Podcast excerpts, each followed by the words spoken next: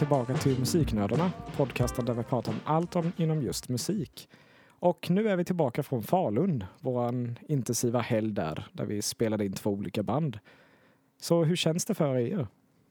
Ehm, nej men eh, jag tyckte det var väldigt, eh, det var väldigt kul att få vara en så pass proffsig studio och få testa massa dyr utrustning som man kanske inte annars eh, har möjlighet att testa.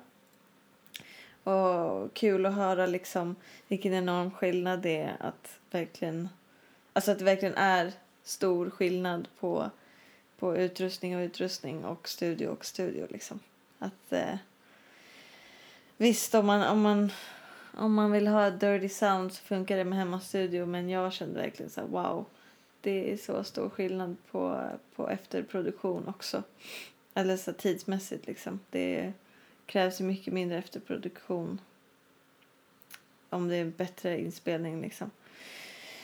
Men eh, jag tyckte ju att eh, skolan hade, hade fixat det ganska dåligt. Men själva, själva inspelningen var väldigt kul och givande tycker jag.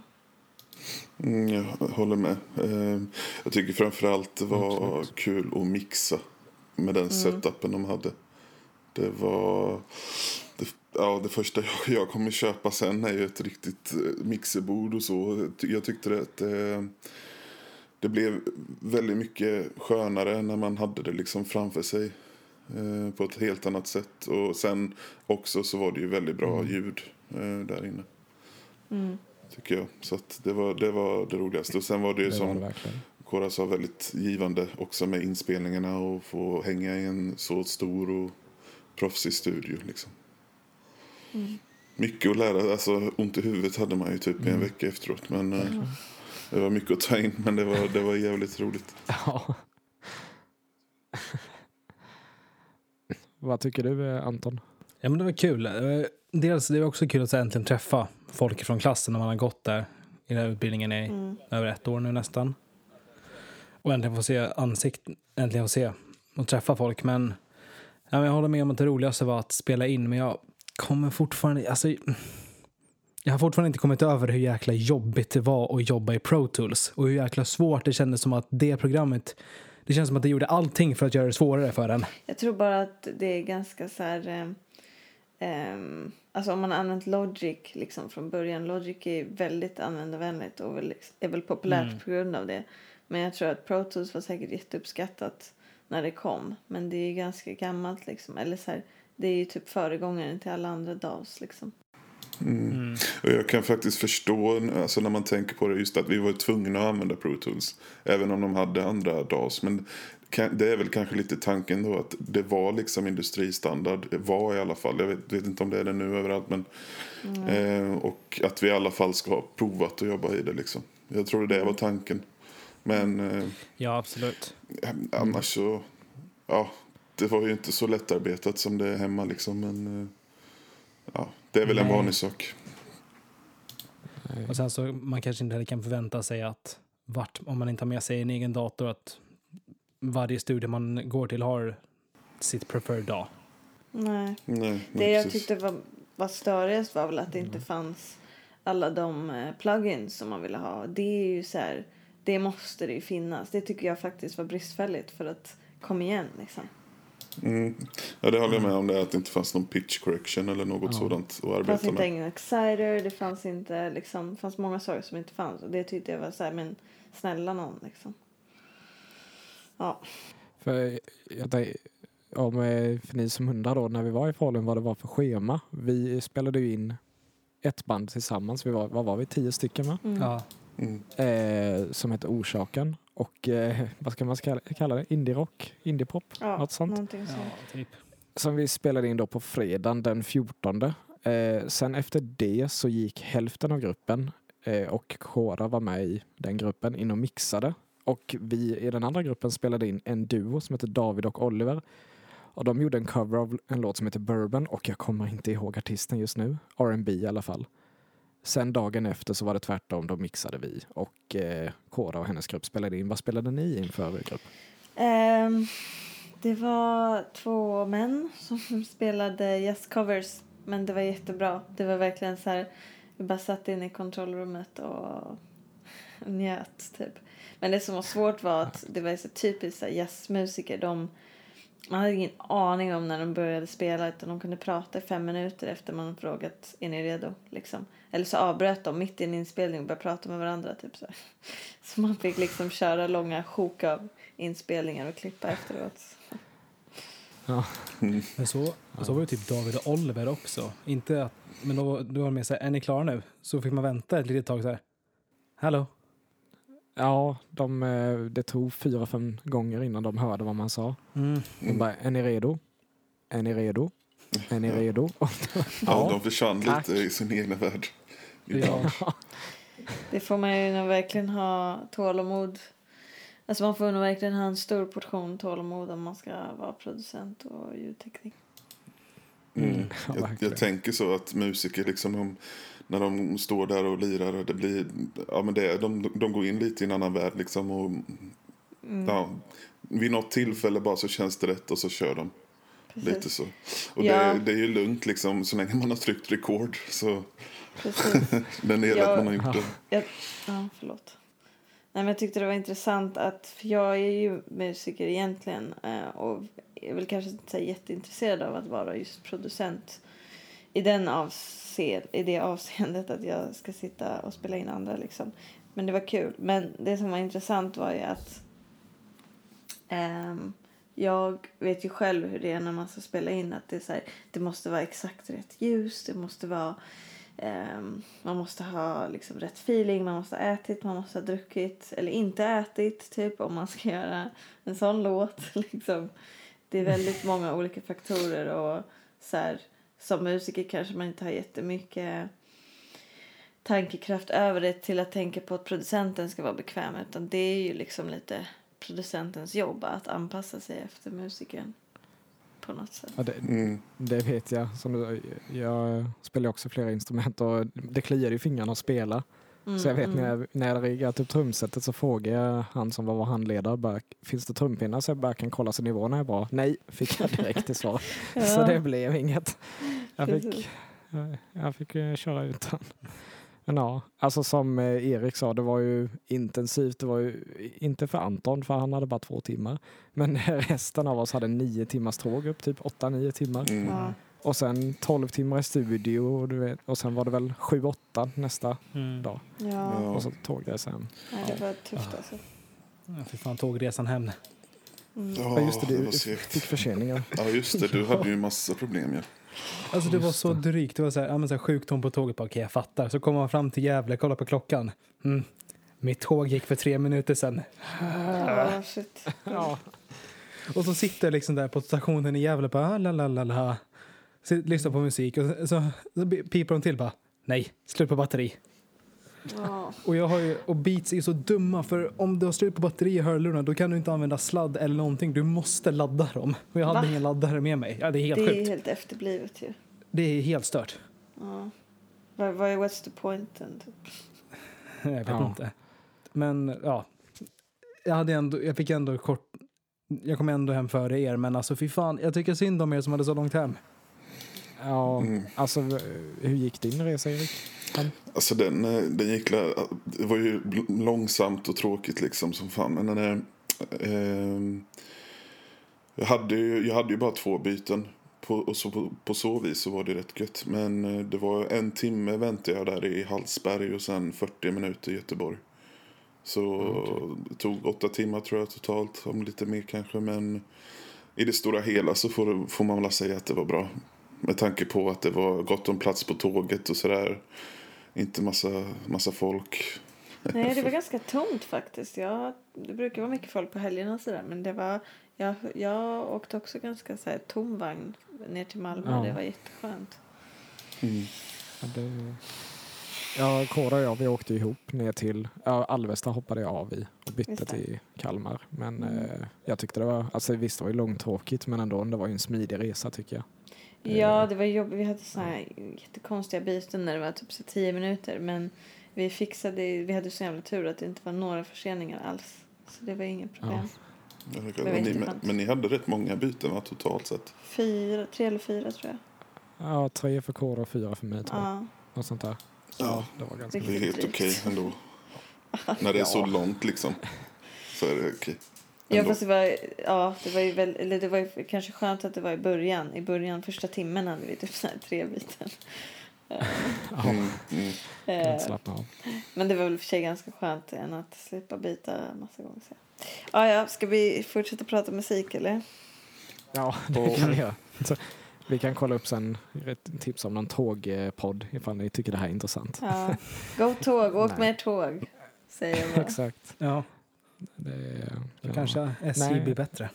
Train rules. Ja, nej, men ska vi hoppa in på de här unpopular opinions då? Oh, Det yes. låter bra. Eh, så vi har lite unpopular opinions här. Vi har valt tre var. Och eh, disclaimer här, vi säger inte att det här är rätt det jag- vi säger utan det är bara våra egna åsikter. Så jag tänker kanske vi kör en var till att börja med. Eller vad tycker ni? Mm. Vi måste det väl diskutera dem lite också.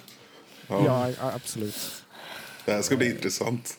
Tycker jag. Ja, det, ja, jag är lite rädd Ja, vad heter det? När man... Eh, sina händer. När man eh, gnuggar sina händer. Ja, Kommer alla yes, hata mig nu? eh, Anton, du får köra först. Min första unpopular opinion är att det är helt okej att använda sig av loops, samples eller presets. Och för mig så handlar det här kanske lite mer om produktion och scenen, för jag vet att där kan det vara alltså tabu rent ut sagt att använda samples och presets i en låt, för det folk kan vara så här alltså så störiga med att man ska använda att du ska göra allting från scratch och allting eget, men det det är ganska svårt att göra det. Jag, jag, vet inte hur det är i andra, vad ni andra har för åsikt, åsikt om det här som håller på med andra genrer, men just i DM så är det, det är ganska stort ämne att prata om just använd, användning av samples och det. För väl- någon, s- Ja. för, ursäkta, jag bara undrar, för någon som inte är så inne i EDM presets, vad menar du med det? Alltså, säg till exempel om du har eh, Serum, eh, X for Record Mm. Serum, vilket är en synt. Då finns det jättemånga presets som eh, olika producenter Jaha. har gjort till det. Ja, Så inställningar typ. Okej. Eh, exakt. Och det kan i vissa genrer, specifikt dubstep, då är det lite så här att folk kan bli as, alltså verkligen så här gå bananas på en om man använder ett preset. Men gud, Mm. töntigt. Men alltså den där typen av musiker finns ju i alla ge- genrer.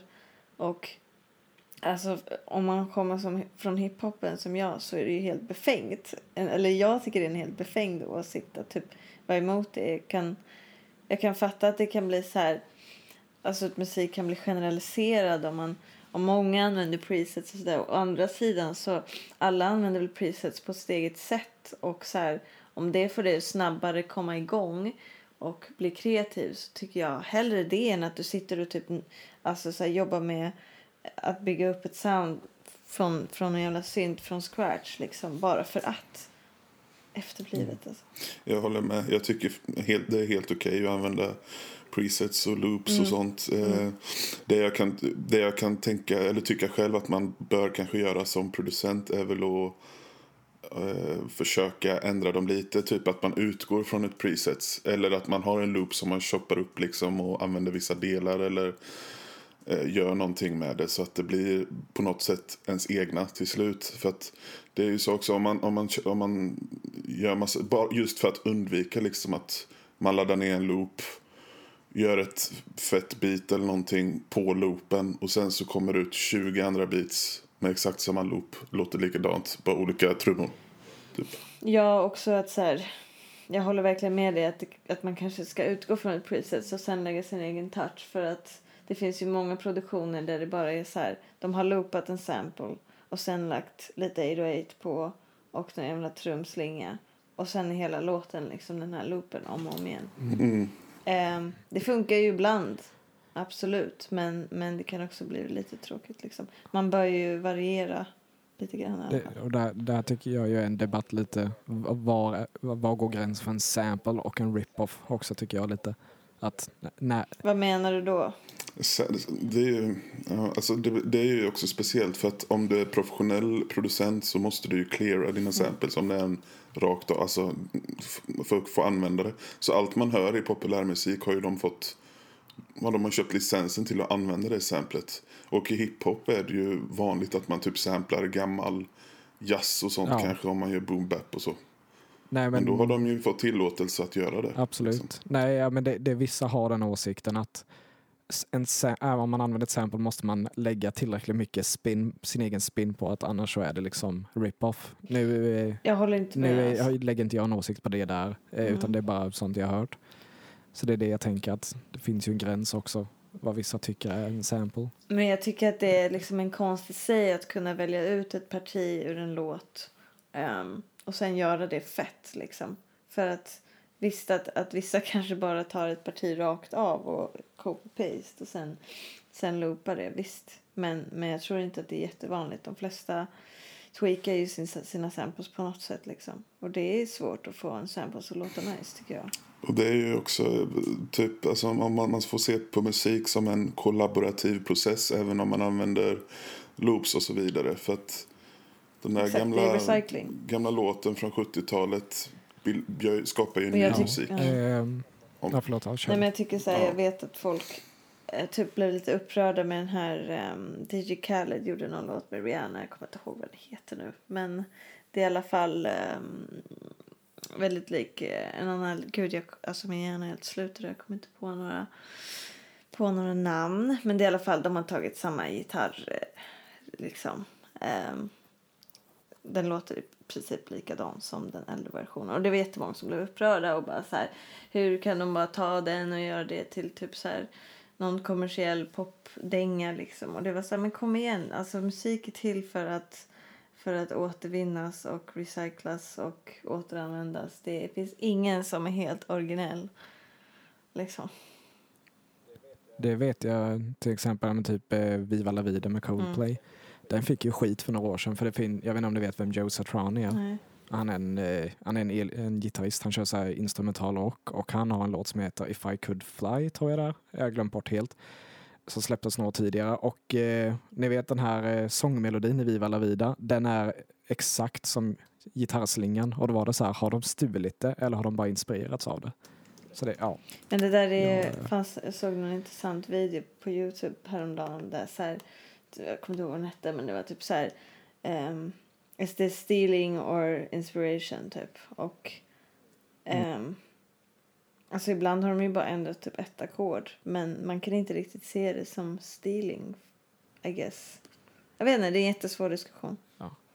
Vi kan eh, fortsätta, men det här kan Ja. vi prata om lite mer i ett annat avsnitt. Eh, för det är en intressant diskussion. Men eh, Erik, kör du din första? Eh, ja, eh, jag tänkte...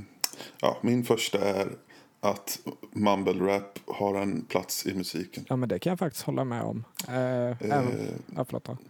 jag, jag, jag hatar också på mumble rap. Eh, och många, många, väldigt många gör det. Men jag tror det som mumble rap har gjort lite. Det är att det blir så mycket fokus på beatsen och melodierna. Vilket jag tror har utvecklat eh, produktion, pro, produktionerna lite. Alltså det måste... För att jag ska kunna gilla en mumble rap-låt så måste det... Viben vara liksom perfekt. Medan om det är bra rap så kan det vara ett väldigt, väldigt minimalistiskt beat och så.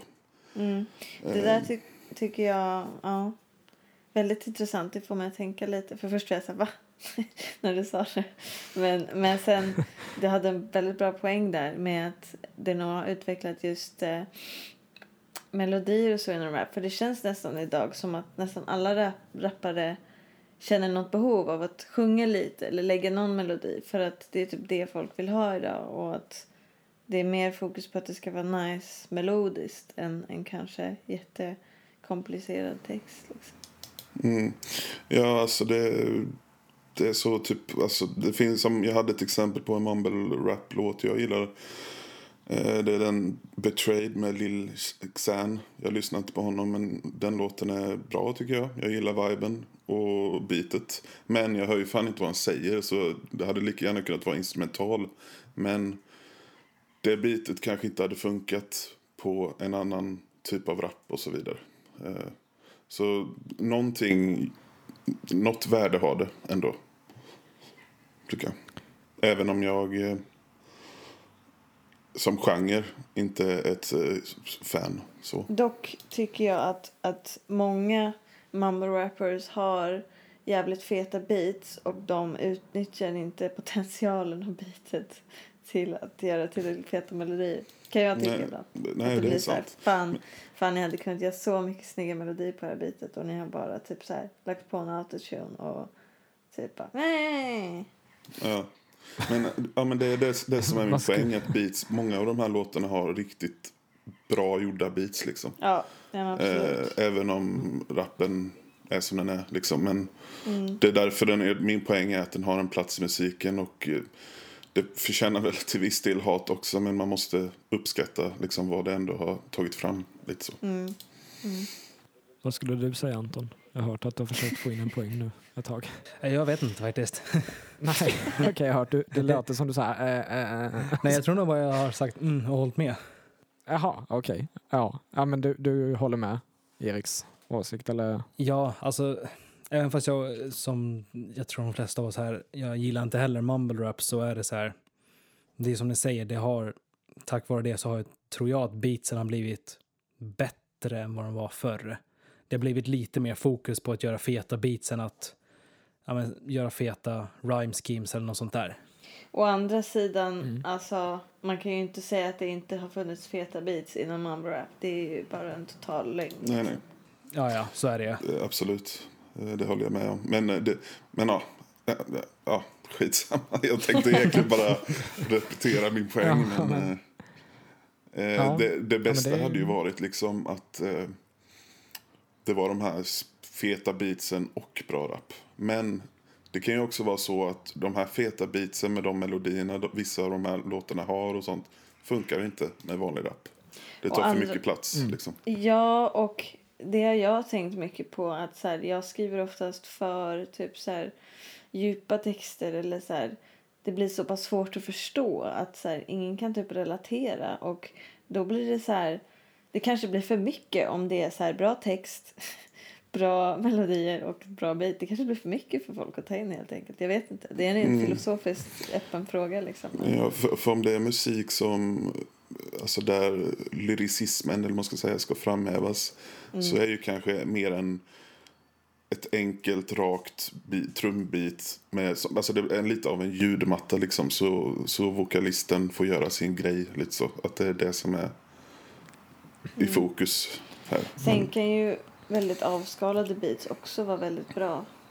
Liksom. Ja. Eh, Men då om det är väldigt avskalade beats eh, så behövs det för mig att sången ger också någonting. mm, I mm, mumble så ger ju inte sången någonting för mig. På det Nej. sättet liksom. Nej. Men eh, låtarna kan fortfarande vara bra. Men jag hade som sagt lika gärna egentligen kunnat lyssna på det instrumentalt. Mm. Nej men jag håller med dig att så här, jag tycker att, att autotune kan vara så jävla fett men det kan också vara så jävla dåligt att så här, du blir inte en du gör inte feta melodier bara för att du har lagt en autotune på din röst. Ja. Alltså det är vissa som har gjort det till sin stil som typ Travis Scott. Men han gör det ju fett. Ja, han är ju expert på att få det att låta bra faktiskt i Exakt, låtarna. exakt. Yes. Kåra. Ja. Ehm, den leder hans, er, ha, Eriks unpopular opinion leder ganska bra in på min första. Och det är att ehm, bara för att man har bra texter betyder det inte att man är en bra rappare. Alltså, Absolut. alltså att, nej, nej, det är lugnt. Nej, men eh, diskutera nej, fan jag snackat så jävla mycket. Men jag håller med. Det Nej, har ju med äh, timing och delivery och allting liksom. Mm. Om det är så du menar. Ja, det, Ja. det alltså jag, jag ser röst som ett instrument. Så Mm, eh, bara för att man skriver något bra behöver, inte det betyda att det blir Nej. bra. Det, Men jag tycker det nej. finns en hel del sådana rappers också. Eller så här, mumble rap har fått så mycket skit och vissa av den skiten är befogad. Men också så finns det på andra sidan av sån här conscious rap där det är så här, men det är inte intressant. Bara för att du skriver en uppsats här på ett beat, det betyder inte att det är nice att lyssna på. Eller så här, det blir ingen vibe liksom. Det Sen kan det bara- också bli eh, för komplicerat också kanske. Ja, Så nej, man bara exakt. fattar inte vad, vad, vad, vad vill du få fram? Lite så. Nej, nej, exakt. Det bara blir inlindat i någon lång diskussion eller monolog. Liksom. Um, Mm. I've been there. Jag har varit en sån eh, som bara skrivit för mycket. Det är därför jag tycker att Gucci Gang har fantastisk text. Nej, jag skojar. Jag skämtar. Jag hörde alla dog där. Ja, Nej, men jag, jag håller med absolut. alla lämnar. Nej, ja, men det, det stämmer absolut. Det är många som skriver. Mm. Ja, yes, vad skulle du säga Anton? Alltså det är mång... Just det där att skriva bra texter betyder inte att man är en bra rappare. Jag tänkte lite, jag kom att tänka på han, vet en rappare som heter Blueface som blev ganska populär förra året, eller om det var förra, förra. Förra året var det. Han, många creddar ju honom för att han var duktig på att skriva och skriva rapptexter. Och jag sitter, då sitter jag, jag där i en, i en ända bara, ja, jag kan höra det, men han kan inte rappa på beat för fem jävla öre. Just det, det är han som är offbeat. Han är Ja. offbeat som fan. Men det har ju blivit hans grej nu. Ja, det har ju tyvärr det. Det är lite sjukt. Ja, det, är lite, det är lite, men det är så, här, jag kan inte lyssna på det för äv, även om det kanske är bra text, jag stör mig för mycket på att han inte rappar på beat. Mm. Ja, det är jobbigt att lyssna på. Tycker jag. Eller, ja. det är som att, Ja, men det är det. som att sitta och kolla på en proffsdansare som dansar inte i takt. Liksom. Oh God, don't get me started on that. Ja, nej. Eh, nej, men jag håller med. Eh, ja, men jag tänker, för jag hade tänkt ta en annan som min första, men eftersom vi har pratat om rap lite så tänkte Mm. jag att jag kan väl ta min unpopular opinion om rap. Och det här är en sån opinion jag verkligen försökt att, eh, vad heter det, säga på rätt sätt. Så ni får, ni får hang on here. Och den unpopular opinion jag har är att rap och hiphop eh, i, ja, i den formen som det brukar vara håller på att dö. Och eh, därför jag tycker detta är för att all, nästan all rap och hiphop du hör nu för tiden är antingen mumble rap eller så är det he- jätteinfluerat av pop på något liknande. Liksom lyssna på Post Malone till exempel. Jag tycker det är Alltså jag tycker om Post Malone, inte så mycket hans musik men han verkar vara en riktigt schysst snubbe och han verkar vara talangfull. Men när jag tänker på en rappare då tänker jag liksom gammal Eminem, NWA, det är liksom rap för mig. Så enligt mig så känns det som att hiphop håller på att dö och födas upp igen men på ett annat sätt. Eh, jag... Här är jag lite kluven. Jag håller... Jag, Post Malone tror jag inte man kan se som hiphop riktigt. Det är väl hiphop-influerad pop, rock. Mm, Lite Det var- alltså rock det var- säger jag det var- med apostrof liksom. Det var en bra Eh, benämning. Ja, men sen så tror jag också att man får se lite... Man kan också se rap och hiphop som två olika saker. Ja. Ehm, och eh, sen eh, tycker jag nog att på något vis så... Alltså, det är väl, alltså om man ser till gammal hiphop eller rap. Då var väl det, det var ju mycket boom bap för Liksom, det var ju the shit. Eh, och det finns ju kvar, men det är ju som att för att den, det hade ju varit skittråkigt också om all musik nu var boom bap fortfarande inom Mm. hiphop. Liksom. Det, är så, det, är, det är bra för musik att utveckla sig och det, allt Exakt. kom, det kommer liksom gå i vågor. Mm. Eh, Nu är det mumble rap och för många är det eh, en våg som är en besvikelse. Men om fem år, tio år kanske så har något nytt kommit. Då har någon kommit på något nytt sätt att flowa eller göra ett nytt sätt att strukturera beats och så vidare. Ja. Så jag tycker att det är en bra sak att, eh, att genrer och musik eh, utvecklas. Och Mm. att de tar, de tar eh, saker från varandra. Ja, alltså musik är ju... Hiphop är ofta liksom en... en eh, vad ska man säga? bli bärsad på det sättet som att det ska vara en konstant grej. Men ingen musik är konstant. Och så här, musik kommer alltid utvecklas på ett sätt. Och att så här, säga att äkta hiphop är den som fanns på 90-talet. Det är ju det är en lögn. För att det är så här, äkta hiphop är, är hiphop i sin helhet. Vad det har blivit och vad det är och vad det har varit. Alltså, eh, det är jättekonstigt egentligen att, att eller så här, jag håller inte med om att, om att den håller på att dö heller. För jag tror inte det är möjligt idag. Med tanke på hur mycket musik som görs och hur enkelt det är att göra musik så kommer olika subgenrer alltid att överleva på något sätt. Liksom. Det är i så fall om man bara kollar till kommersiell musik. Eh, sen får man väl också säga att idag eh, man kan väl påstå att hiphop i sin helhet är den mest populära Mm. genren. Hiphop, Over- överlag. liksom. Om, om man Ja, räknar in hop, hop, hop, Ja, ja, hop. om, om, man ser, om man ser hiphop och sen så får det spreta liksom lite hur, hur det vill. Ja. Eh, Men det är väl en så- del av pop liksom. Jag tror det är det jag tänker också Ja. lite så här. Alltså typ med genrer. Typ man, man kan utveckla en genre mycket. Typ, ja men typ titta på rock eller på pop. Hur den har utvecklats genom 50-60 år, right? Ja men typ om vi tar metal till exempel som genre. Finns heavy metal, death metal, bla bla bla, bla massa sådana. Och man kan, ju, man kan ju utveckla den men ändå så måste man ju hålla sig inom vissa ramar. Annars är det ju inte metall längre. Om du förstår vad jag menar. Och jag tror det kanske också, Ja, förlåt. Nej, det är lugnt. Eh, och jag tror det är det jag tänker lite, att det känns som att det börjar dra så himla mycket utåt nu.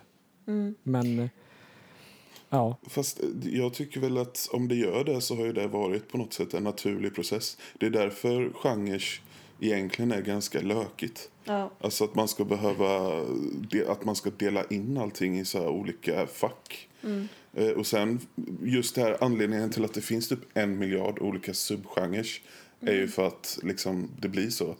Då ska pop ha typ 20 olika fack för pop. Även fast allt egentligen är pop liksom. Eller så här, Mm. bara, så fort det har lite metaltoner eller någonting så blir det någon sån här pop-metal eller någonting. Alltså det, det, Ja. det, det blir liksom lite, ja, det- svårt. jag inte. jag vill bara säga, alltså jag, jag säger inte att det här eh, är bra eller dåligt. Det är bara en så här åsikt. Jag Så, tyck, tycker ju att det blir larvigt om man ska säga nej men det här är inte metal för att ni har valt att sjunga på ett, på ett nytt sätt. Det är ju så här, men kom igen, alltså då utvecklas ingenting. Det där är ett sätt för typ så här hårdhuvuden att, att så här, hålla fast vid någonting som aldrig kommer att stanna. Förstår ni vad jag menar? Det är så här, det är som typ så här old school hiphop heads som kan vara helt bittra över att hiphop inte, inte låter som det lät på 90-talet. Det är så här, jag förstår den frustrationen men det är också så här, ni kan inte hålla på och sätta kedjor på musik på det sättet. Liksom. Men eh, yes, vi går vidare med eh, Antons andra unpopular opinions. Opinion. Ja, jag fortsätter lite på hiphop-spåret då. Och, ehm, och den här har... Ehm, jag var lite tveksam om jag skulle ta med den här för den har skapat många diskussioner för mig förut, men let's go. En av anledningarna till att jag tror att mumble rap faktiskt blev en grej och ja, men växte så snabbt var för att folk slutade lyssna eller bry sig om texterna i hiphop och ja, rapparna tröttnade och bara vi skriver bara någonting som inte, som, vi, vi, vi bara skriver någonting. Nej, men jag tror det har lite att göra med samma som vi snackade om med Erik. Att så här, dels att det har skett en sån utveckling i musiken, absolut. Att, att, eh, att folk inte är så intresserade av djupa texter längre. Eh, att de mer vill ha en vibe liksom. Och det kan man ju se överallt i samhället. Man vill konsumera snabbt liksom. Det handlar väl snarare om det. Mm. Mm. Mm. Mm, ja, amen. Nej, jag vet inte vad man ska säga riktigt. Faktiskt om det. Nej, men eh, ja. Alltså jag, jag vill också lite säga att i början så var det, så känner jag, alltså i början av att mumble rap växte så av de låtar jag har hört därifrån så var det väldigt mycket det här mumlandet och det fanns ingen helhet bakom texterna. Mm. Men nu så har det blivit en mer grej att göra melodier istället av rösten och att ja, men det låter lite Alltså spacey mumble rap och kommer ju mycket från att, Mm. att rapparna som höll på med mumble rap var på droger liksom. Det är därför det låter som det gör. Liksom trap. Ja, trap kommer ju från Atlanta liksom, liksom, eller eh, amerikanska södern och eh, Mm. det liksom blev så naturligt. Jag tror inte det var någonting som någon gjorde medvetet liksom. Nej. Sen Mm. blev det liksom en, ett ideal. Mm. Ja. Ja. Ehm, yes, Erik. Vad är din andra opinion? Ja.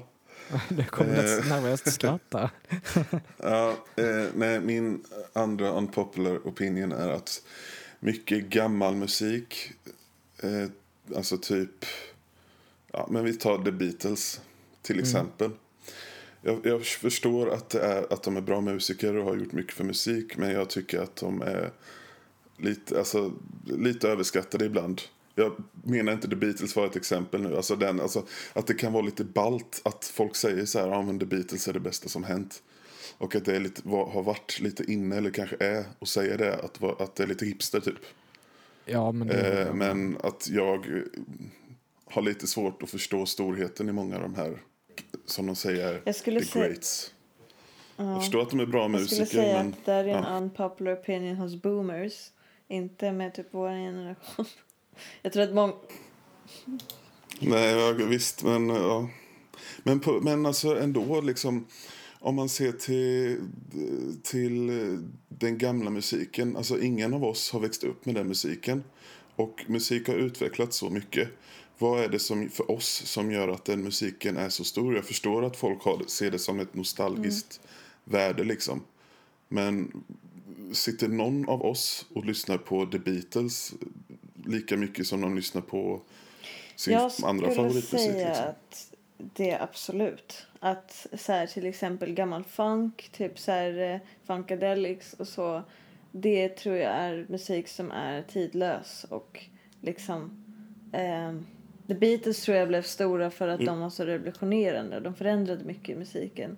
Ehm, hade de kommit idag hade de kanske inte varit jättespeciella. Men, men jag tycker absolut Ja, men det är det jag menar. Det är det min Ja, poäng är. Men sen kan, sen kan jag också säga, det, nu kommer det låta dumt, men eh, om de hade kommit idag, om The Beatles inte hade kommit så finns det väldigt många musiker som inte Ja. hade gjort sin grej. För de har Mm. inspirerat så många. Mm. Men jag förstår Jo, vad du men- menar. Jo, alltså, alltså det, det är inte det jag kanske för, eh, formulerar det, men det är liksom inte min poäng. Jag förstår att de har gjort mycket för musiken.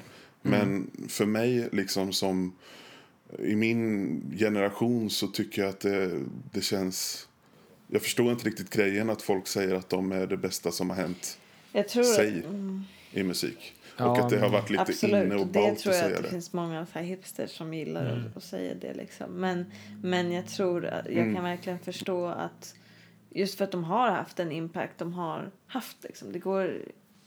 Det är bara så. Men, men som sagt, hade de kommit idag så hade man kanske inte bara wow vilket band. Men också som Krille säger att många band hade inte, eller mycket musik hade inte funnits idag om det inte hade varit för The Beatles. Liksom.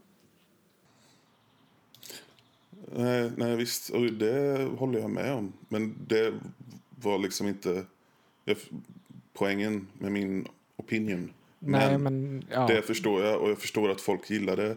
Och att det är nostalgiskt och att de har gjort mycket för musiken. Men det var just det att jag förstår Nej, inte att vår generation tycker att de är så jävla bra. Nej, som jag, jag, många ja, säger. Typ, ja, men typ att eh, jag, jag skulle komma, ja de är så innovativa, men man är född på 90-talet, jag, jag förstår. Ja. Liksom, 30 år sedan de var igång. Det var ju säkert skithäftigt när de kom liksom och de gjorde något nytt och de var snygga och de spelade bra musik och det var liksom, de hade väl bra röj på sina konserter. Det var något nytt liksom och de blev stora och folk gillade deras musik. Men eh, men idag, idag tror jag att det är typ tusen band som varje dag som skapas som ska försöka låta som The Beatles eller något liknande och Nej. de kommer Då inte blir det kanske mer att så här, Mm. om man har den Nej. preferensen och gillar liksom den typen av mus musikalisk era. Då är det klart att man kan tycka att den är väldigt bra. Precis som att man till exempel ja, man gillar funk väldigt mycket. Då kanske man lyssnar på väldigt mycket funkmusik från liksom 60-70-tal. Ehm, och tycker den är världens bästa musik Mm. och genialisk. Liksom. För att det är en smak. Nej, men alltså, jag, jag, kan, jag kan eh, känna igen mig där. Alltså, typ, jag gillar ju jättemycket Mm. metall från 80-talet. Typ, favoritbandet är ju Metallica och typ, ja, men Testament, Slayer och allting. Men sen samtidigt tycker jag de är det mest in- innovativa bandet. Nej, är det inte. För liksom, ja, men typ band som Tool och Nine Inch Nails är liksom sådana som är, det tycker jag är innovativ, innov- Innovativ. det är ett svårt ord. Eh, ni, vet, ni vet vad jag menar. Eh, så nej, det, jag är i din position där att jag älskar inte typ Metallica för att jag tycker de är det ordet. Utan de är liksom, ja jag gillar dem Mm. på grund av andra grejer. Men där kan jag ändå känna, om man tänker just i rock, typ om man lyssnar på första plattan med Black Sabbath som fyller 50 år i år, by the way. Eh, det är ju verkligen något man kan tittar på och bara oj, här började metall. Liksom, det här är Mm. den första metallplattan. Men eh, såklart det var mycket mer mind-blowing för någon som var liksom, ja, men, som jag är Mm. 23, Sen kan man- 1970. än Ja, sen kan man 23, väl också 20, säga 20. att när Beatles liksom slog igenom så var det lite som att allt de gjorde blev svalt med hull och hår. Det var liksom ingenting som någon bara så här, nej men det var inte riktigt lika bra. Utan så här, alla hyllade ju allting de gjorde liksom. Ehm, och jag har ändå hört den åsikten ganska mycket att folk bara, ja men Beatles aren't that great. Men det hade varit intressant att, att höra folk typ bara så här, ja Rage Against the Machine aren't that great. Då hade jag fan gått i taket. Du, mitt hjärta började slå när du sa det där. Men det är ju också, det är också liksom Rage Against the Machine är ju... Jag tror, att, jag tror att min, alltså, jag tror att det är som med mycket musik att Rage Against the Machine var ändå liksom när, under, när, när jag var tonåren, tidiga tonåren, mitten där, då var ju de the shit liksom. Och då var ju det aktuellt. Så jag tror att vi kommer alltid... Men det, ja, det ska bli Ja. intressant. Nu, nu säger jag emot mig själv lite, men jag tror att vi alltid kommer gilla Rage Against the Machine. Men det ska bli intressant att se om man går tillbaka om 20-30 år och när man är gammal och lyssnar på Rage Against the Machine Ja, och, eller ta- och se vad om man tänker. våra barn, våra barn kanske bara Rage Against Machine aren't that great. Och vi bara bitch. Ja. Går, går det att göra Men samtidigt, samtidigt rent musikaliskt kanske det inte är det. Nej, precis. Fast det kommer alltid vara så pass great för oss liksom. Men då är det ju great av nostalg nostalgia, liksom, nostalgiskt värde för oss. Ja, men det är Då det är- jag menar. Då är det ju att, inte att, att musiken då kanske... Musiken egentligen är överskattad för sin tid. Alltså för vad man är då inom musik. Men den enda anledningen till att vi gillar det är ju nostalgiskt värde då. precis. Det är ju en väldigt, alltså den här diskussionen skulle man kunna hålla, hålla i evigheter. För det är så här, okej, statement. The Beatles aren't that great. Compared to what? Compared to who? In what like context? Alltså förstår du? Det är, Mm. ja.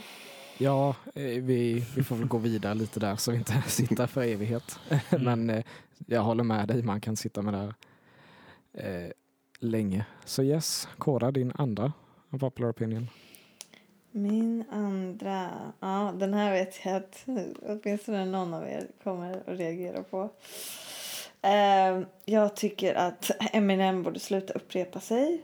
Eventuellt kanske göra någonting annat än egen musik. Och till exempel den här Darkness som han släppte för ungefär en månad sedan är extremt lökig. Alltså extremt. Jag tänker att An Anton får ta det här för jag vet att han kommer Jag bara reagera. kände hur hans eh, blod började koka här. Jag satt där liksom, jag undrar vad ni här är till. Och så bara Eminem. Du, du, du. Nej, Men när man hör så här, lämna tudet. Ja. Ehm, Nej men kör du Alltså- Anton. Jag kan hålla med på ett sätt faktiskt. För eh, någonstans, han är, hur fan gammal är han? Nästan 50. 40 års- 48. Tack så mycket. 48 år. Jag tror inte han kommer, även fast jag vill så tror jag inte att han kommer hålla på tills han liksom, ja men stupar. Så någonstans, jag hoppas ju att, jag vet att jag och Krille snackade om det här i Falun, att det vore ändå fett om han, för han är ju, han äger ett skivbolag, han är producent, alltså han bara, han kan ju sluta rappa men i sådana fall så tycker jag att han borde gå över till det istället för han är en fan jätteduktig producent och allt det. Ja, men det är det jag menar. Det känns som att han så här krampaktigt håller tag om, om sin karriär som rappare. Och det bara känns så här. Men alltså mannen, du säger exakt samma sak som du har sagt i typ 30 år nu. Mm. Det, eller inte 30 år, men 20 år kanske. För det, det är bara så här. Vi har hört den här historien nu liksom. Fast där måste jag säga, hans senaste plattor så är det mycket om förlåtelse också. Medan hans tidigare plattor så var det mycket ilska. Mm. Och han var mycket mer kontroversiell på ett annat Mm. sätt. Nu är han ju Det, kontroversiell. det tror jag också har med tiden att göra. Han, han, han, Ja. Hade det varit, äh, alltså, hade det varit okej att vara politiskt okorrekt och kontroversiell på det sättet fortfarande tror jag fan han hade gjort eh, de här gamla stuket. Men det hade ju också varit jättetråkigt. För det är så här, "Ha, wow vad du är kontroversiell som typ skriker homofoba ord liksom. Alltså jag tycker det är Ja, så här, det. "Åh, gud. Och jag tycker att han på något sätt försöker, inte att han, han på något sätt är kontroversiell på det sättet. Men att han så här, han verkligen så här krampaktigt håller tag om Eminem som var 20 bast och asgrym. Liksom. För det är så här, Mm. Sen, jag kände lite så här att jag, jag blev besviken av den här Music to eh, be murdered by. Eh, Vad är det för jävla när han släpper när han släpper eh, musik så jag har ju liksom växt upp med Eminem. Jag har så sjukt höga förväntningar på honom. Och de här senaste Kamikaze tyckte jag var bra men den här senaste det känns lite som att han släpper någonting bara för att bevisa att han fortfarande är kungen Exakt, på något exakt. sätt liksom. och det känns Han ska bevisa något för... Ja, ja, lite töntigt. Och jag tycker att det är lite synd för att jag tror att han hade kunnat göra ett så mycket bättre album om han inte hade haft det här bekräftelsekravet eller vad det nu är som gör att... Ja, jag, ty- jag, tyckte, jag gillade inte den. Det var några bra låtar men det var inte hans nivå riktigt. Jag tänkte, Mm. Jag kan säga eh, namnet kommer ifrån en gammal eh, Alfred Hitchcock-platta på Mm. 50-talet. Som hette exakt samma sak och han har samma pose som Eminem har på plattan. På Mm. Du- omslaget. Det är Ja, därifrån han okej. har fått namnet. Men då tycker jag typ, förlåt, men jag tycker det är ännu töntigare. För det är så här, okej, men kom på något eget. Eller så, vad är referensen då?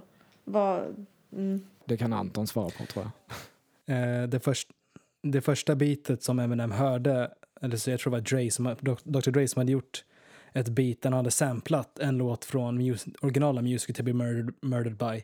Och det var då tydligen Dr. Dre som kom med förslaget, men vi baserar hela albumet på det här. fair enough.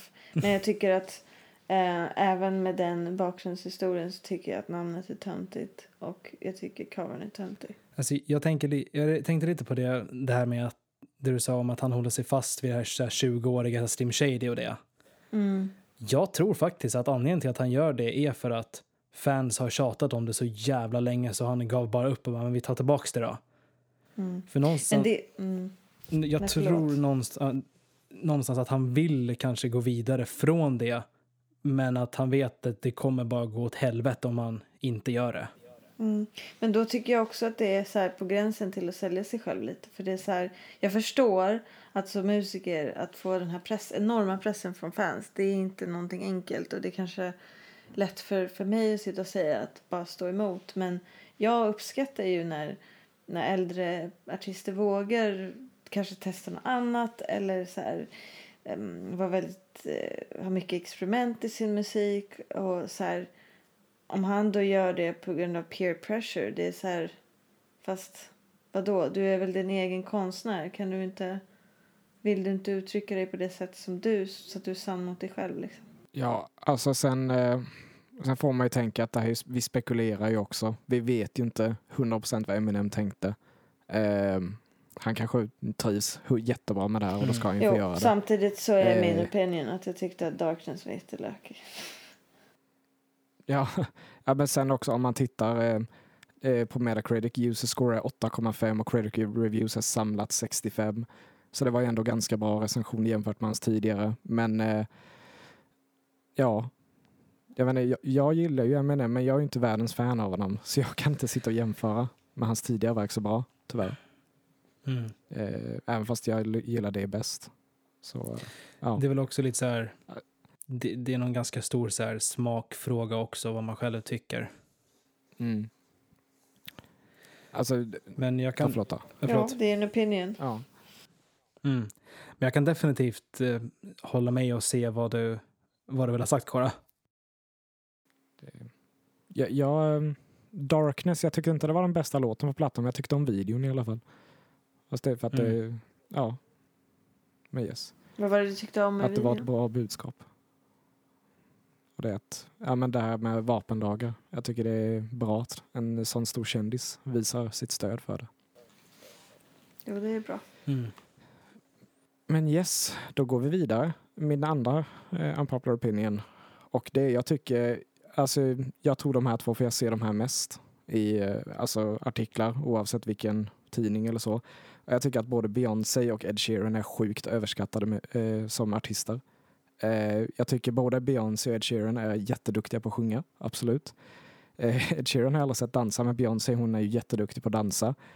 Men efter, efter det, de två grejerna, så ser jag absolut inte varför hon är the queen of pop och jag ser inte varför Ed Sheeran är så himla populär. Jag tycker han skriver så himla lökiga texter. han skriver eh, låtar som har samma fyra ackord ungefär. Det är, jag ser inget innovativt i att alls. Samma med Beyoncé där. Nej, alltså jag kan tycka att Beyoncé är lite överskattad. Men framförallt så tycker jag att hennes fanbase är överdrivna som fan. Jag tycker de borde chilla ner. För att det är så, här, så fort någon typ kritiserar Beyoncé så, så typ skickar de mordhot och så här. Fattar ni? Det är så stans liksom. Mm. Ehm, men jag håller med. Alltså jag har inte lyssnat så mycket på Ed Sheeran. Men jag kan hålla med om att han är inte så intressant tycker jag. Mm, nej, jag håller med. Jag har inte lyssnat så mycket på dem. Men eh, inget har ju uppenbarligen fastnat tillräckligt mycket Nej. heller. När jag väl har lyssnat på dem. Jag, Så att jag går tillbaka. jag tycker att Beyoncé är extremt begåvad. Ehm, men å andra sidan så tycker jag hennes syster är en bättre musiker rent generellt. Solange eller något sånt där heter hon va? Solange, ja. Ja. ja hon släppte en ny platta Ja. i år va? ja. Ja. Yes. Hon är fett grym alltså. Alltså, Ja. Jag har lyssnat en jäkla massa på Ed Sheeran för det är många i min omgivning, alltså polare, tycker att han är jätteduktig. Jag tycker också att han är jättebra. Det är så här, om man släpper ett nytt album, klart att jag kommer lyssna på det, men jag ser väl inte heller liksom så här varför han blir hyllad så pass mycket som han har blivit. Nej. Jag tycker typ så här, Sam Smith är bättre än Ed Sheeran. Mm. Liksom. Mm. Ja, men eh, något jag tycker till exempel som, eh, fast det är också lite, det här, jag tänkte först ta det som en popular opinion, men när det var Grammy-galan för, eh, när släppte han sitt senaste platta? Två, tre år sedan? Eh, den, Eh, 2006, ja tre år ja, det. eh, så var ju han uppe för Best eh, Solo Pop Performance med Shape of You. Och eh, ja, Shape of You det är ju basically om sex. Eller liksom så här, ja, girl you know I want your love, your love was handmade for somebody like me. Eh, och han, en av dem som också var nominerad var Kesha med henne och eh, hon hade haft ett jäkligt jobbigt, en jobbig tid. Hon hade kämpat med massa olika skit och hon hade gjort, jag tyckte inte om låten men jag tyckte budskapet var jäkligt bra. Men hon förlorade på grund av att ja, men Ed Sheeran är ju pop, mer populär och det, jag tycker det är så dumt för popularitet ska inte Mm. ja, bestämma. Fast så är det ju idag. Så är det ju verkligen idag. Alltså det är så här, jag tror att antingen så har de inte domare som är kompetenta nog eller så här, det är väl också en smaksak. Men jag tror att det är mycket så här please the crowd liksom att så här, det som får mest streams som är mest populärt det kommer att vinna för att man antar att det är det som folket vill ha. Jag, jag Mm. måste bara tipsa, det finns eh, en youtuber som heter Stevie T och han gjorde en eh, Ed Sheeran-låt nyligen i en video. Alltså det var sjukt lik. Och, alltså han gjorde det bara på någon timme också. Och han, jag tyckte det visade lite hur simpelt det är ändå. Jag säger inte att det är dåligt att vara simpel musik, men det är bara jag förstår inte hyllningarna. To be honest. Nej. Men jag tänkte på det här med awards. Det är ju så här. Man, man borde inte titta på det. För ett bra exempel är ju den här Uncut Gems. Mm. Eller Uncut... Det är f- vad fan säger jag? Uncut Gems, ja. Det är en, ja, det är en film och jag läste att det var en Oscars... Alla pratar om att han borde vara med och i alla fall bli nominerad för en Oscar, Adam Sandler då. Men då läste jag att en eh, av de här domarna som sitter på Oscar hade sagt till en journalist att ja men vi tog inte med honom för att det är Adam Sandler liksom. Han, Mm. eh, Alla hans tidigare filmer har varit så här Skit. komedier, så här Happy Gilmore Ja. Så här omogna och sånt. Så han, han har inget att göra typ på en Oscar. Oavsett hur bra filmen är så liksom Det är dock kommer inte han få in, komma in där. Det är ju bara så här eh, riktigt borgerlig så här översittarattityd. Även om... Ja men det är ju där, det är därför man ska fuck awards ja, lite så. Ja, fuck awards verkligen. Eh, Men, eh, och sen typ om man tar Beyoncé, som sagt att hon ses som queen. Typ, men att hon ses som så talangfull. Jag, jag har framme hennes senaste album Lemonade och kollar på en av singlarna där, Hold Up, eller en av låtarna. Eh, och det är 15 låtskrivare på en låt. Och det är så här, Alltså hon, 15 låtar. hon är Ja, ju... ja, förlåt. Nej. Nej, alltså jag, jag, tar, jag, tänker, jag säger inte absolut att hon inte är begåvad, för det är hon. Hon har en väldigt duktig röst, eh, bra röst och duktig dansare och allting. Men jag ser inte vad är det som gör henne Queen of Pop. Då tycker jag ju Madonna är liksom mer en Queen of Pop, eller typ Adele. Där, ja. Ja. Fast, fast eh, nu, nu har jag faktiskt ingen insight på det så nu är det ett rent antagande här. Men jag gissar på att Madonna inte skrivit av, mycket av sin musik själv heller. Ehm, och jag tror att... Alltså jag tycker att Beyoncé är jättebegåvad som som popartist. Det tycker jag verkligen hon är. För att vad är popartister idag? Jo, men de, de flesta skriver inte sin egen låt utan de är en sorts vessel för ett budskap. Eller Det, det var faktiskt en jag hade först tänkt ta med. Eh, att eh, om man inte skriver sin egen låt då kan man inte kalla sig för artist, då är man en sångare i så fall. Mm, fast det håller jag inte med om. Fast det är inte min, eh, det är inte något vi ska prata om nu, men jag, jag tog bort den. För jag, jag kunde Ja, inte lägga upp det ordentligt. Nej, jag kunde inte lägga upp det ordentligt. Så. Jag säger det bara. Ja, exakt. Så här, retreat, retreat. Du hörde min upp. ton där. Wow. Ja. Nej, eh, jag kollade upp i alla fall Madonnas första platta har hon skrivit alla låtar på. Okej, Eh, nice. Jag kan kolla Like a Virgin-plattan för den är ju, eh, ska se. Ja, där har hon skrivit ungefär hälften. Jag tänker inte sitta och kolla upp varenda platta nu. Nej, men, nej.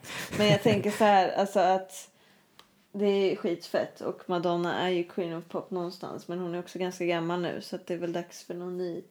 Jag tycker inte att det är fel att kalla Beyoncé Queen of Pop fast å andra sidan, nej det tycker jag faktiskt inte. Men, men jag tycker absolut att hon är ändå lite överskattad på något sätt. Jag vet inte. Jag har inte funderat så mycket på det. Jag bryr mig inte så mycket tror jag. Yes. Anton, Ja. din sista unpopular opinion. Yes. Och det här är väl också så här lite riktat mot IDM-scenen just. Men när en artist tar en gammal låt, insert vilken som helst, alltså någon så här gammal riktigt stor låt, säg så här Africa eller något sånt där, och gör om den till en ny, lite nyare modern version. Jag hatar det. Alltså jag, jag avskyr när man gör det. det är så här, varför tar man en, en låt som redan var perfekt från början och ska göra någon jäkla house-remix av den? Fast om det blir fett, det var ju som vi pratade om innan, om det blir fett så är det ju nice. Alltså då kommer ju folk gilla det. Då blir det ju som recycling av musik liksom. Ja. Så jag håller nog inte med. Alltså den gamla versionen kommer ju alltid finnas kvar. Så om man Precis. gillar den så kan man ju lyssna på den. Exakt. Sen är, med det sagt så är inte alla remixes liksom eh, alltid bra eller bättre än originalet. Men det är väl kanske inte riktigt heller meningen. Ehm, jag håller faktiskt inte med där. Jag tycker att, att absolut försöka göra en ny version av en gammal låt. Why not? Liksom. Jag tycker till exempel många av Lana Del Reys låtar har gjort sig jättebra som remixes. Alltså, jag, jag tänker väl, det beror väl på lite vad det är för låtar. Ja, men typ du, som du sa, Africa. Mm. Hur många covers har inte gjorts på den? Så det, det kan jag hålla med om. De gör en house-låt, då är det så här, men why? eh, men sen är det ju kul när, men typ en, om man tar idén och de tar typ så här en, jag vet inte, ehm, The Letter som är en gammal eh, låt från 50-talet. Eh, jag har glömt bort namnet på artisten tyvärr. Och kör det till, det är lite kul för då kan man ju upptäcka liksom det gamla. Men eh, annars, det kan Ja, vara så kul. är det ju. Det beror, det, kan vara, det beror på hur bra de gör det. Det är det Mm. också. Mm. Ja. Men det är också intressant att höra så här, andras tolkningar på saker. Liksom. Um, så här, jaha, upp- typ så tolkade du den raden så där? Vad intressant, typ. Tycker jag. Jag kan faktiskt eh, tipsa om eh, ett album man kan lyssna på med det här. Och det är med bandet A Perfect Circle. Och de gjorde en platta i motiv 2004 och det är bara covers på. Men coversen är extremt annorlunda från originalet. Typ de coverar Gimme Gimme med, eh, eller vad säger jag, ursäkta. Eh, Imagine med John Lennon eller typ eh, People Are People med Depeche Mode och liknande. Och det är så här, de gör det helt annorlunda. Det är väldigt intressant lyssning faktiskt. Ja. Ja. Men yes. Eh, Erik, din sista unpopular opinion. Eh, ja, eh, min sista är väl inte så här jätte ja, kontroversiell eller djup eller någonting. Men jag tycker väl att i, generellt så är EPs bättre än album. Speciellt om det ska vara, om man ser det som ett sammanhängande projekt där det ska finnas en röd tråd så tycker jag att det är bättre med EPs då för att man lyssnar, man har inte tid, eller folk har inte tid att lyssna på ett album idag. Så jag hade tyckt det varit nice om man släppte lite mer EPs i så fall. kan det varit gött. Typ. Ja, det var kul. Alltså. EPs kan vara nice. Jag, jag kan tycka det är kul med EPs. Men jag föredrar album, men eh, absolut. Det är, jag föredrar, jag tycker ju hellre om typ att istället om det är typ sex år mellan eh, två plattor, att det är typ ja, men en EP emellan eller någonting. Eller att det är typ istället för Ja. sex år mellan, så typ tre år emellan och så är det typ tre EPs. Det, Ja, Alltså, jag tror jag har pratat om det innan, men det är ganska vanligt idag att man släpper typ album med 25 låtar och sånt. Då är, det, då är det bättre med, ja, att som du säger, att de gör ett, ett, al- ett album eller två och sen en EP emellan om man har någon speciell röd tråd man vill utforska. Mm. Istället för att det ska bli som en invävd röd tråd i den röda tråden. Så att det blir som ett slags, ja, svårt att hänga med och liksom, ja, man, när man bara tittar på en platta och ser liksom spårens namn så kanske man inte ser den röda tråden och då skiter man i att lyssna på det. Alltså typ lite mer bara, lite mix it up typ. Ja, alltså jag tycker att det har blivit lite oklart egentligen vad, vad eh, the purpose av EPs är. Liksom, ska det vara konceptuellt eller ska det vara mer fritt? Liksom? Men om man, om man utgår från att EPs kan vara konceptuella så... Alltså det blir också så här, ah, kan man göra en EP som är sju spår eller blir det ett album då? Alltså, jag vet inte. Jag tycker att album kan vara fett nice om man har ett väldigt starkt koncept. Typ som Kendricks album tycker jag är så här, de hade inte funkat som EPs liksom. Nej, nej. nej visst, men det är, idag är liksom... eh, Det känns bara rent spontant att många albums idag är liksom en collection av singlar. Ja, Typ. Det är 10-11 låtar som ska vara bangers allihopa för sig själva. det är ju, Liksom. men det tycker jag är larvigt. Alltså, det är så här löjligt också för det är så här, om du inte ens har något koncept och det är bara så här bangers. Alltså, det är ingen som kommer sitta och lyssna på, på typ så här 25-30 låtar noggrant. Och det är inte intressant. Det är bara som att så här... Ja, jag fattar inte. Nej, och det är därför det hade varit nice om typ eh, de, några musiker hade kunnat släppa då en tre låtars EP där de faktiskt gör det. Alltså har ett koncept och målar upp en bild eller så. För det här lyssnar, kan folk lyssna på. Tre låtar går ganska fort men när man har ett album med 10-20 låtar framför sig så blir det inte den här eh, upplevelsen som kanske är syftet då. Liksom. Nej, jag vet att till exempel Lana Del Reys album var väl det senaste albumet som jag lyssnade igenom hela så här. Och det är 14 låtar. Och det är verkligen enough tycker jag. För att efter ett tag så kan man ju inte lyssna ordentligt. Eller så här, man Mm. tröttnar ju liksom. yes. Eh, Kora, din sista Mm. popular opinion? Ja, den är inte heller så jättedjup. på något sätt. Men jag skrev i alla fall att jag tycker att gå på konsert med merch eller t-shirt med det bandet du ska se är lite lökigt. Varför är det lökigt? Du visar ju stöd för det- bandet. Jag visste att du skulle reagera. Nej, jag men alltså, kan tycka det är lite lökigt typ om du går och ser så här typ, I don't know, Testament så har du en så här Nirvana t-shirt på dig. Då är det så här, "G- du, du förtjänar att kastas till hundarna. Nej men alltså Jesus. Nej, jag, jag tycker snarare, alltså, jag har själv varit en sån som, som allt, när jag gick på konsert skulle jag alltid ha det bandets t-shirt. Och nu tycker jag bara att det är lite så cringe för det är så här, ja men obviously vi fattar att du är ett fan liksom för du är här på konserten. Du behöver inte bevisa för någon att du är ett fan. Liksom. Fattar Det är väl inte att bevisa, det är väl mer en samhörighet. Tror jag.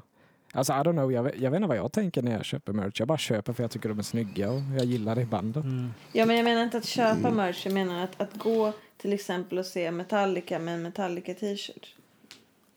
Har jag aldrig gjort. Sen, sen är det ju så här också att nu generaliserar jag så fan men om, om man lyssnar på rock eller metal och sånt det enda man äger är fan merch. Alltså jag håller med. Alltså när, när, jag, när jag tvättar det är så här en plain t-shirt så är det bara rockband. Så här. Du Upprades. har liksom inte så mycket att välja på Nej. på konsert. Nej. Något band kommer ju vara på Det, t-shirten. det blir liksom det. Ja, vad fan. Vilket band är mest likt det jag ska se? Ja, vi tar det här. Din- garderob är så här, inte uppdelad efter så här, och vitt, svart. Det är så här, vilket band är det här?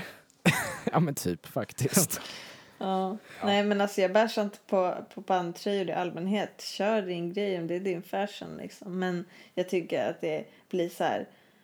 ja men varför gå på en konsert och typ så här supporta bandet? Ja men, men du supportar ju redan genom att vara på deras konsert tänker jag. Ja, jag vet inte, jag har aldrig tänkt på det på det sättet faktiskt. Jag vet inte om det är folk som jag tänker på det på konsert. det, Alltså de Ja, enda... jag, Ja, bara, jag får bara känslan av att så här, av mig själv när jag hade det. Att typ så jag försökte bevisa att jag var ett så himla stort fan. Och det tyckte jag var töntigt. Men då utgår jag ju bara från mig själv och hur jag själv var. alltså jag vet, jag kan tänka, eh, det band jag vet eh, Iron Maiden gör det, de har ju sin egen merch på sig på scen och det kan jag tycka är lite, Åh, Ja. Va? åh, det är usch nej. Ja, det kan jag tycka är det- lite, varför har man sin egen merch? Jag kan tycka det är lite häftigt när folk, band har andras merch på sig. Liksom för att typ, Mm, mm. Typ ofta när det är så här ett support, alltså huvudakten har supportbandets merch på sig, det kan jag tycka om. För det är så här lite visa stöd. Mm. Men sin egen merch, då är det lite, varför? Mm. Samtidigt så här, jag kan tycka att det är okej att artister har sin egen merch till vardags eller någonting sånt. Eh, om det är så här nice, snygg merch liksom. För att promota sig Mm. själv. Men på scen blir det lite så här, ja, varför? Ja. Yes, eh, Mm. det här, egentligen är inte det här att prata emot eh, Erik som popular opinion, för det här beror helt på hur albumet är. Men jag tycker att eh, man ska lyssna igenom ett album minst en gång. Eh, men det är, då är det beroende på vad det är för album. Som ni sa innan, ett 25 eh, spårs rapalbum som inte har någon koppling, det fattar jag 100% att man inte vill lyssna igenom. Och det, ja. Men eh, jag tycker en platta som har 12 spår är inga problem som helst att lyssna igenom en gång. Bara den är bra gjord. Jag håller med. men det, det, Håller ja, alltså, jag håller också med dig. Men det är jag tror att de flesta gör inte det. De har inte tid idag. Nej. När folk stressar och håller på som de gör. Eller, Och sätter sig, när de lyssnar på musik är kanske när de tar liksom 20 minuter eh, eh, to- tunnelbana eller något till jobbet. Liksom. Det är den tiden de har. Och sen ska de hem till familjen. och så. De hinner inte lyssna på ett album i sin helhet. men det är också för att, ja, förlåt. Nej, jag tror Men också det är då bara, kan man ju lyssna på tre låtar, sen gå till fyra till sex och så här. Mm. ja. Så ja. Nej men jag håller, jag tror Mm. att det ligger mycket i det du säger Erik. Att musik har blivit, eh, ett, alltså man, man konsumerar musik på ett helt annat sätt idag än vad man gjorde tidigare eller vad kanske vissa gör. Och det är tråkigt för att man tar sig inte tiden att lyssna på ett album till exempel. Jag, tror, Eh. jag tror också det är det att om man är tillräckligt intresserad av musik då tar man typ tiden att Ja. göra det. Jo, men det är också så här, alltså för oss, jag menar vi typ vi gör inget annat nu Nej. än håller på med musik. Vi pluggar musik, vi gör egen musik, vi lyssnar på musik. Det är bara massa musik. Ja. Så det är så här, och jag, det, jag kan nog tänka mig att de flesta i alla fall ser skärmen med att köpa typ en vinyl eller någonting och dra på den och sen ha den liksom igång och lyssna på den och så här. Mm. Mm. Jag tror de fle- flesta ser liksom varför det är nice men folk har inte tid. Nej. Mm. Nej men alltså, det är därför jag kan känna som ni sa, så här, varför släpper man en platta som har typ ja, men 30 spår? Det är ju sjukt mycket. Det är nästan tre plattors värde med spår. Det, är- ja.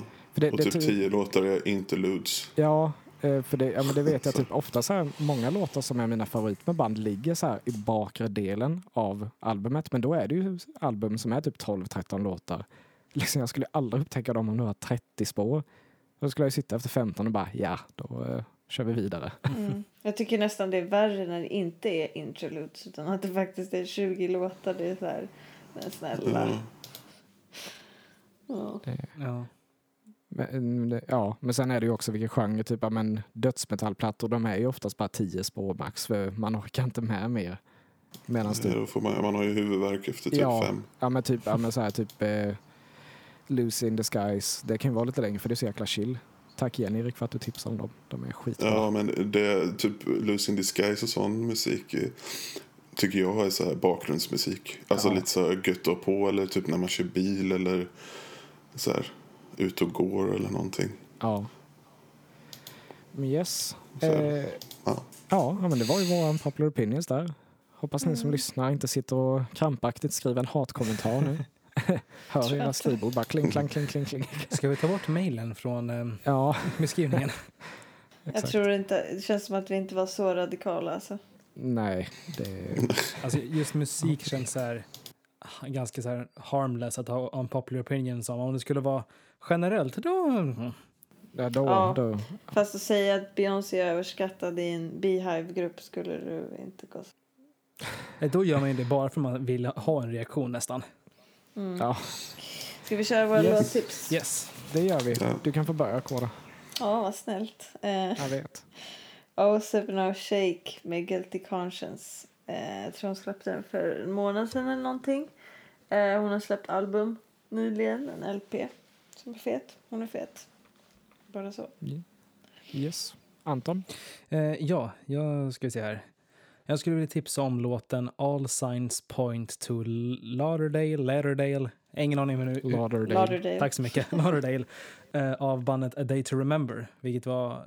Satt på browsade igenom på Spotify häromdagen och hittade den igen. Och jag kommer ihåg hur jäkla mycket jag älskade A Day to, Rem- A Day to Remember för sju år sedan typ, när jag började lyssna på dem. Är det ett svenskt band? Aust- Australiensiskt tror jag. Ah, okej. Ja, ja, ja, ja. Så, Just det, jag Mm. förväxlar A Day to Remember. Ja. Förväxlar. Sorry. De är skitnice. Ja, det är alltid jättekul när man så här, träffar folk som bara “Gillar du A Day to Remember?” Ja, det gör jag. Jag är inte. Lyssnade sönder Ja. dem. Ja. Och de ska tydligen i släppa nytt album i år förhoppningsvis. Yay! Oj. Så Nice. All Signs Point, Point to Lauderdale. Skitbra låt och det albumet det är på är också jättebra. Kul. Eh, ja, jag tänkte tipsa om en låt som heter, jag tror den heter La Mime, eller La Mem, eller någonting. Det är en fransk låt av Maitre Gims och Vianney. Ja, slaktar ju förmodligen deras namn och allting här nu, men eh, en bra låt i alla fall. Är på franska, jag fattar ingenting, men eh, bra låt, bra beat och mysigt. Vad heter Yes. den låten? La, la Meme, tror jag, tror jag man säger. Lamim. Det stavas lamin, alltså som. Lamim. Men eh, ja, den är god. Ja. ehm, jag skulle tipsa lite nostalgi, för jag lyssnade på dem häromdagen på gymmet. Och det är Audioslaves första platta. Och den heter Audioslave. Och det är ju de tre medlemmarna i Rage Against the Machine minus Zack och så är det Chris Cornell på sång. Helt fantastisk Mm. platta. Eh, från 2002 är den. Och de, har gjort, de gjorde två till plattor. Så alla, ja, men det är mitt tips. Fantastisk musik. Så Nice. ja, det är allt vi har för den här veckan. Eh, så vi syns ju om sju dagar ungefär. Så tills dess får ni ha det så bra. Puss och kram. bye. Hej då.